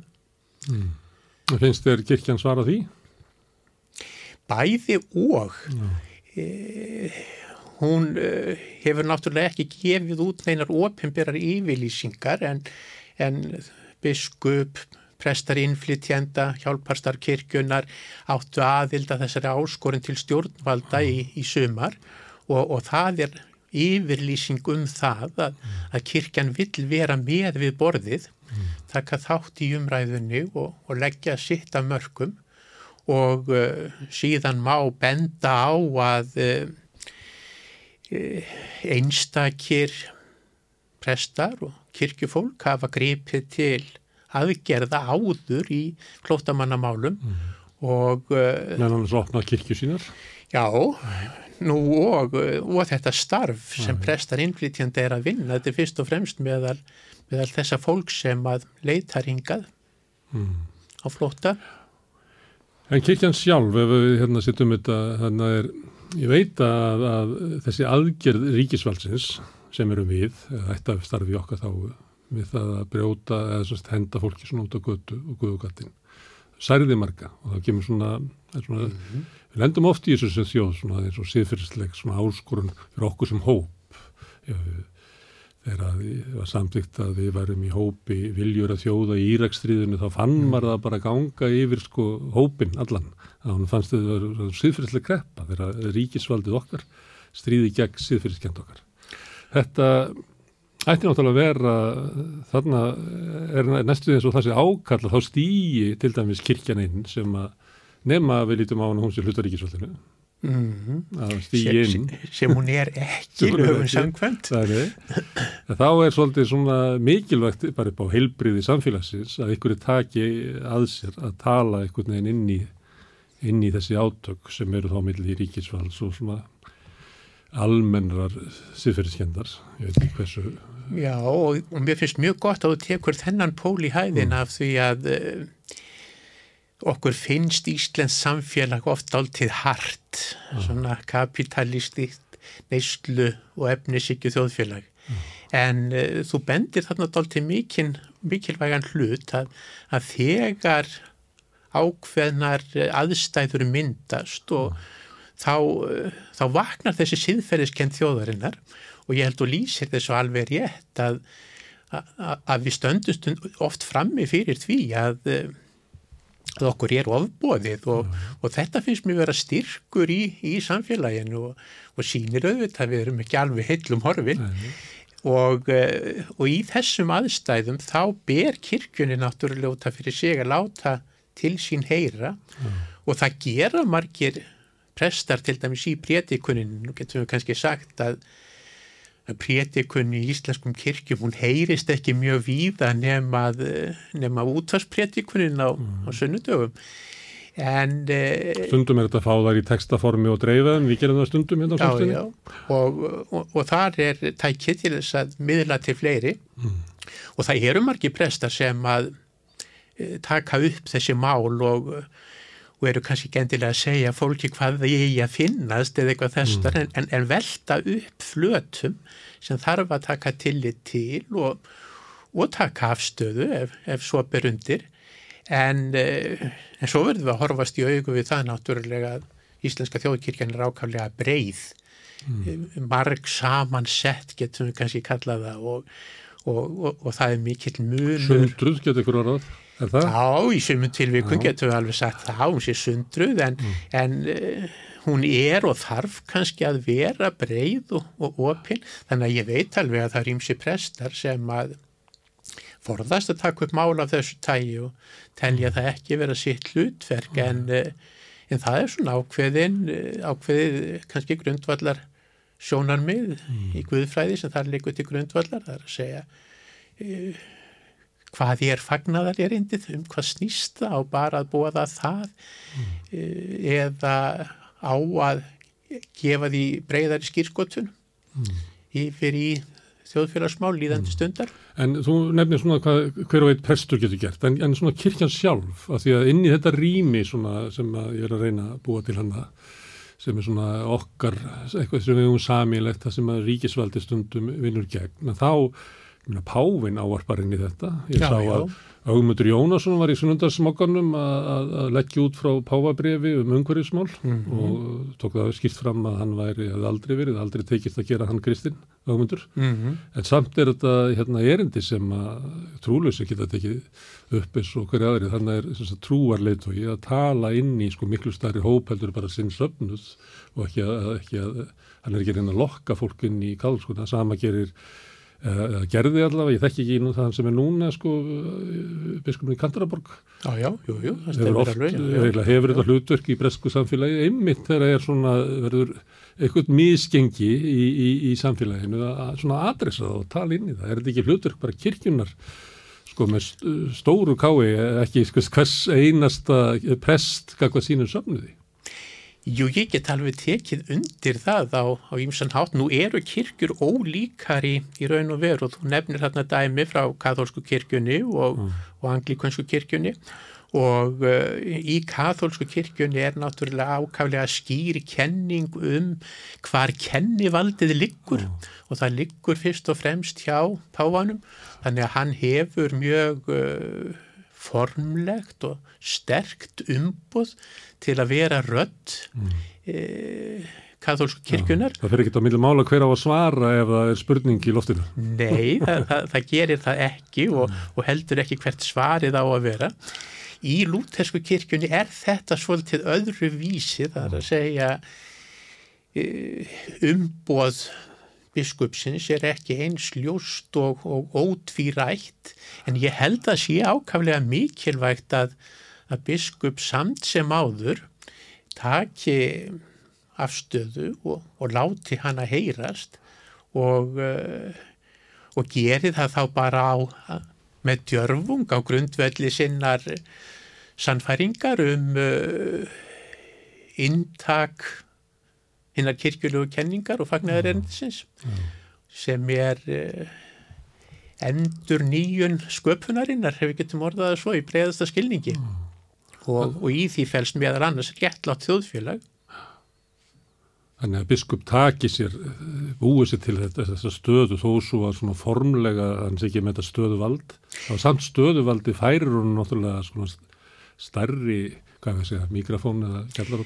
Já, ég, ég held það sé alveg ljóst að, að sem sagt e, þjóðin hlustar á annan hátt á biskup heldur en aðra og, e, og þá sérstaklega aðra presta og, uh, og þess vegna held ég að það sé alltaf mikilvægt að, að biskupin hafi þessa djörfung og, og, og tali á þennan hátt. Og þá rýður náttúrulega á að þeir sem veljast til biskups þeir, þeir hafist rödd.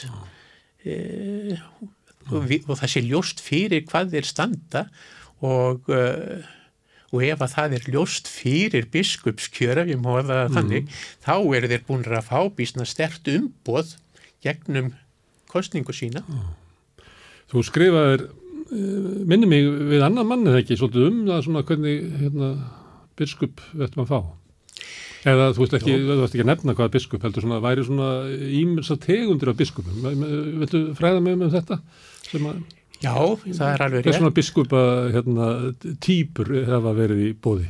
Já, þú ert að vísa þarna til uh, greina og kannski kallaða greinaflokk, þetta eru þrjár greinar áður en upp á staði sem við skrifuðum ég og uh, Stefan Magnússon í Fagraskói við Eyjafjörð. Hann er uh, kirkjuþingsmaður og hefur uh, þar mikla reynslu og, uh, og sterkar öll og uh, það sem við vorum að reyna að gera það er að forða því að biskupskjörsumræðan færi strax yfir í að nefna nöfn heldur að, að við svona myndum velta upp sko hvaða forsendur ætti að liggja þarna til grundvallar og uh, já, hvernig biskup við vildum. Mér minnir að fyrsti pistillin hafi heiti hvernig biskup viljum við? Já. Og, og þá er það nú kannski ekki að við höfum verið að segja hvað við vildum heldur reyna semst að fá aðra til að spyrja þessara spurningar Og ég er að spyrja því núna. En það, sem er mjögast áhugavert að þið stiltu upp svona, svona tegundum af biskup. Hvernig það voru svona þrjár megin tegundur ef ég maður rétt. Já, þá er kannski nærtækast að byrja á uh, því sem við kölluðum einvaldsbiskupin og, uh, og þetta er út af fyrir sig bara gamalt hugtak og kirkjusögunni að það hefur verið talað um um, hinn einvalda biskup eða mónarkíska biskup.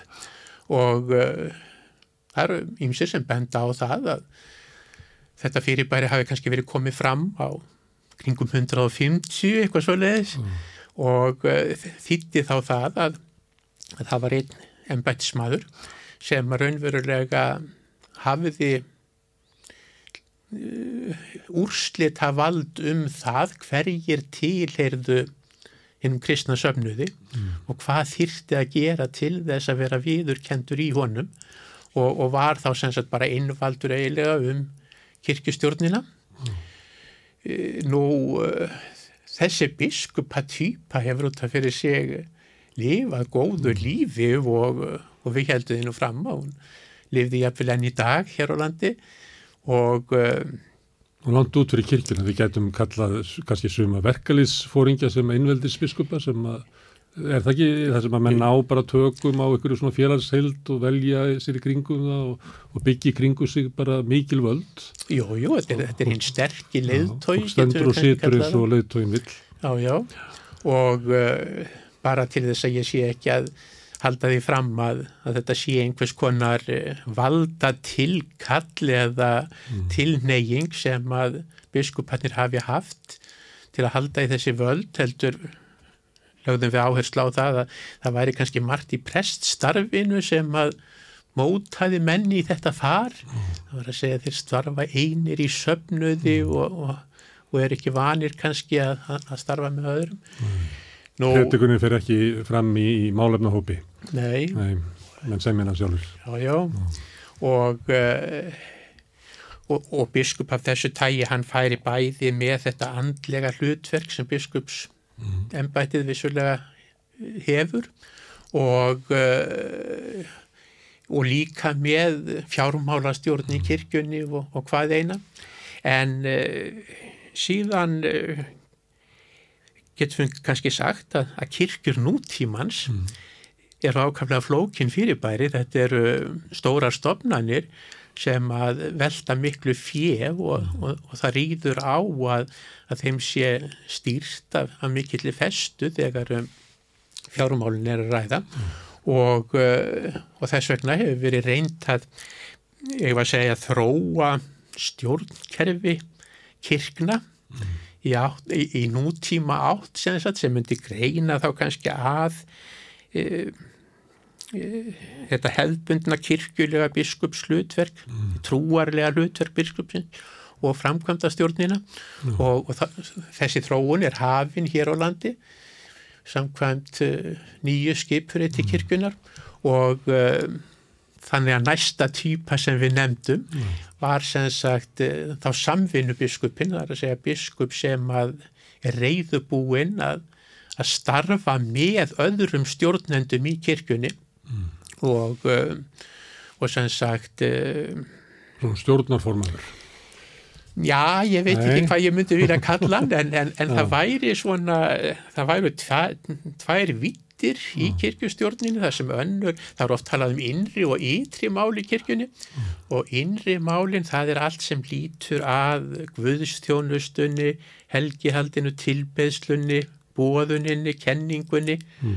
og, og það væri svona umbóðsvið biskups, svo talað um ytri mál og, og það eru þau mál sem að, eh, eitthvað að segja, lúta að, að rekstri verald, eða stjórnun hins veraldlega mm. hluta kirkjunar og, eh, og sem er stort fyrirtæki sem, mjög stort margir starfsmenn og, margir starfsmenn og, og margar deildir getum við mm. kannski kallað mm. en eh, og, þá, og samstarfsbiskupin það er þá sem sagt biskup sem er reyðubúin til að hefur að segja starfa í teimi þar sem að hefur að segja ef við viljum nota hugtakið völd sem er kannski ekki tvoðalega mm. sniðið til mm. kirkjulegu samengi en, en sem já, viður kennir það, það eru aðrir aðilar sem hafa völd á, á öðrum sviðum kirkustjórnarinnar og, og biskup sem er reyðubúin til þess að, ef að segja, starfa í, í slíku teimi og uh, ég held það sé mjög mikilvægt í nútímanum að, að ég var að segja virða verka og hlutverkaskiptingu og, mm. Og efna ekki til einhvers núnings á þeim sviðum. Já. En það eru þessi tveir sem eru helstu svona... Þetta voru nú held ég þær tvær týpur sem Já. við nefndum sko, svo alveg í lók greinarinnar mm. þá, þá dróðum við kannski mynd sem er svona klassísk mynd af af uh, biskupnum það er, það er hyrðirinn svona mm. eftir líking af hinnum góða hyrði ekki satt og, og það er ótt talað um það að, að uh, presturinn sé hyrðir safnaðarins og, og biskup þá vantanlega hyrðir kirkjunar allrar mm. og uh, það sem fælist í þessu hyrðislutverki væri nú kannski það sem við vorum að tala um mm. áðan að eitthvað sé að tala inn í aðstæðu þar sem að við stöndum ráða laus og, og vitum ekki alveg kannski hvað til okkar fríðar heyrir. Mm. Já, þannig að en, en, til þess að, að hyrðirinn verði svona frjáls, að þá þarf það að losa svolítið við svona rekstra skildundar hann við þessa stóru stofnun. Það er, það er ekki svona, ekki beint raun eftir að sá sem er eiginlega frangatastjóri við þessa stofnun svona sé nógu frjáls til þess að geta verið hyrðirinn sem að... Nei, það er alveg rétt að, að, að það þarf að losa ímis hefbundin gömul tengsl mm. sem að biskupsembættið hefur eiginlega verið bundið af á margan hátt. Tengsl geta skapað möguleika en þau geta líka farið að virka sem fjötur, ekki sett. Mm. Og... Uh, Og eitt sem þú nefnir, það er náttúrulega biskupin eigi ekki aðvild að ímiskonar, eh, ef að segja, deilu og átakamálum sem alls ekki koma trúnin eitt við, heldur eru bara rekstrarlegs eðlis eða atfinnuréttarlegs eðlis eða eitthvað í þá veru. En, eh, og svo þarf líka að gera sig grein fyrir því að staða biskups er nú algjörlega ný, það er að segja hann er ekki hluti af embætismanna kerfi ríkisins hann er ekki ríkistarsmaður hann er ekki ríkistarsmaður og, uh, og ég held að það þurfi að það tekur kannski tímað uppgöt hvað það er raun og veru. En ég held að þurfi að, að líta svo á að þetta er náttúrulega mikið frelsi, það er náttúrulega sá biskup sem er já, til dæmis eins og þeir voru hér áður fyrir konungskipaðir embætismenn hann er bundin á allt annan hátt heldur eins á biskup sem að já, er bara starfsmaður sinnar kirkju, verið að tjóna henni út frá hennar forsendum. Líklega hefur það verið þannig áður að dómsmálaðar hefur umvel geta kalla biskup á sinn fund og það er að ræða um, um rekstrar vanda kirkjunar og annað slikt. Já, já, það er vissulega. Mér fannst það svona líka með í línan að þið tveir myndu helst vilja fá svona uh, biskup sem var stór í andanum ég upplifa það glæst og ég upplifa það sem eitthvað svo svar að, að það væri þess að kirkja vantar núna. Ég býst við að það sé alltaf ólíkt á hverjum tíma, stundum vantar kirkjunni bara góðan ekstramann ef allt er í steik. En núna sé helst á því að vanti svona biskup sem er stór í andanum Já, eh, nú þurfum við allavega ekki biskup sem er góður framkvæmdastjóri eða mm. góður rekstra raðili að því það er búið að færa þau mál yfir á annað skrifbord og, eh, og, og það ætti sem sagt að, að skapa biskupin meiri, ég eh, var að segja, betri umsvið og meira frelsi til að fást þá við hinn trúarlegu málefni samfélagslegu málefni. E, svo ferða eftir í hvernig maður skilur það að vera stóri í andanum. Og uh, vissulega held ég að biskupar eins og við öll þurfum að vera það einhverju merkingu. En ég held ekki endilega að við þurfum að fá biskup sem er eitthvað gríðarlegt flagskip eða, eða eitthvað þess að það heldur kannski miklu frekar biskup sem að hlustar vel. Mm biskup sem hefur yfir sín, getur greint aðstæður og, og, og talað inn í aðstæðunar. Mm. Ekki endilega biskup sem að, ég var að segja, getur komið fram með, með gríðarlegu mynduleika eða valdi í, í raun og veru. Það, það er kannski svolítið liðin tíð en, en biskup sem er uh, leiðtögi, dregur upp vilja og væntinga út úr hópnum með því að hlusta já, já. og mælir það svo fram einmitt já, það, það, það held ég að sé líkillin í, í raun og veru það er náttúrulega leiðtögi sem alla hópa vantar Já, já, þessi, þessi hlustandi... Það er tvö eiru og einn munn, en ekki auðvitað. já, já, nákvæmlega. Þessi hlustandi, greinandi og álíktandi leiðtói. Er þetta heldi? Gaman að fá því hérna að, að spjalla um kirkjuna, þessar stóru stofnun í okkar samfélagi. Takk. Erðu, þetta eru lokin hjá okkur í kvöld. Ég þakka öllu gestur mín sem hafa komið hingað og ykkur sem hafa hlustað. Minni eins og vanalega á að þið geti hjálpað okkur við að byggja upp dreifikerfi samstöðunar með því að læka efnið okkar og síðunar okkar á YouTube og Facebook. Stilla á 89,1 í bílnum ykkar hérna á Suðvesturhóttinu en það er þetta nálgast útasendingarnar okkar í spilaranum. Hann er bæðið til á netinu og sem app og þá getur hlustað á útvarp samstöðunar hvað sem er í heiminum.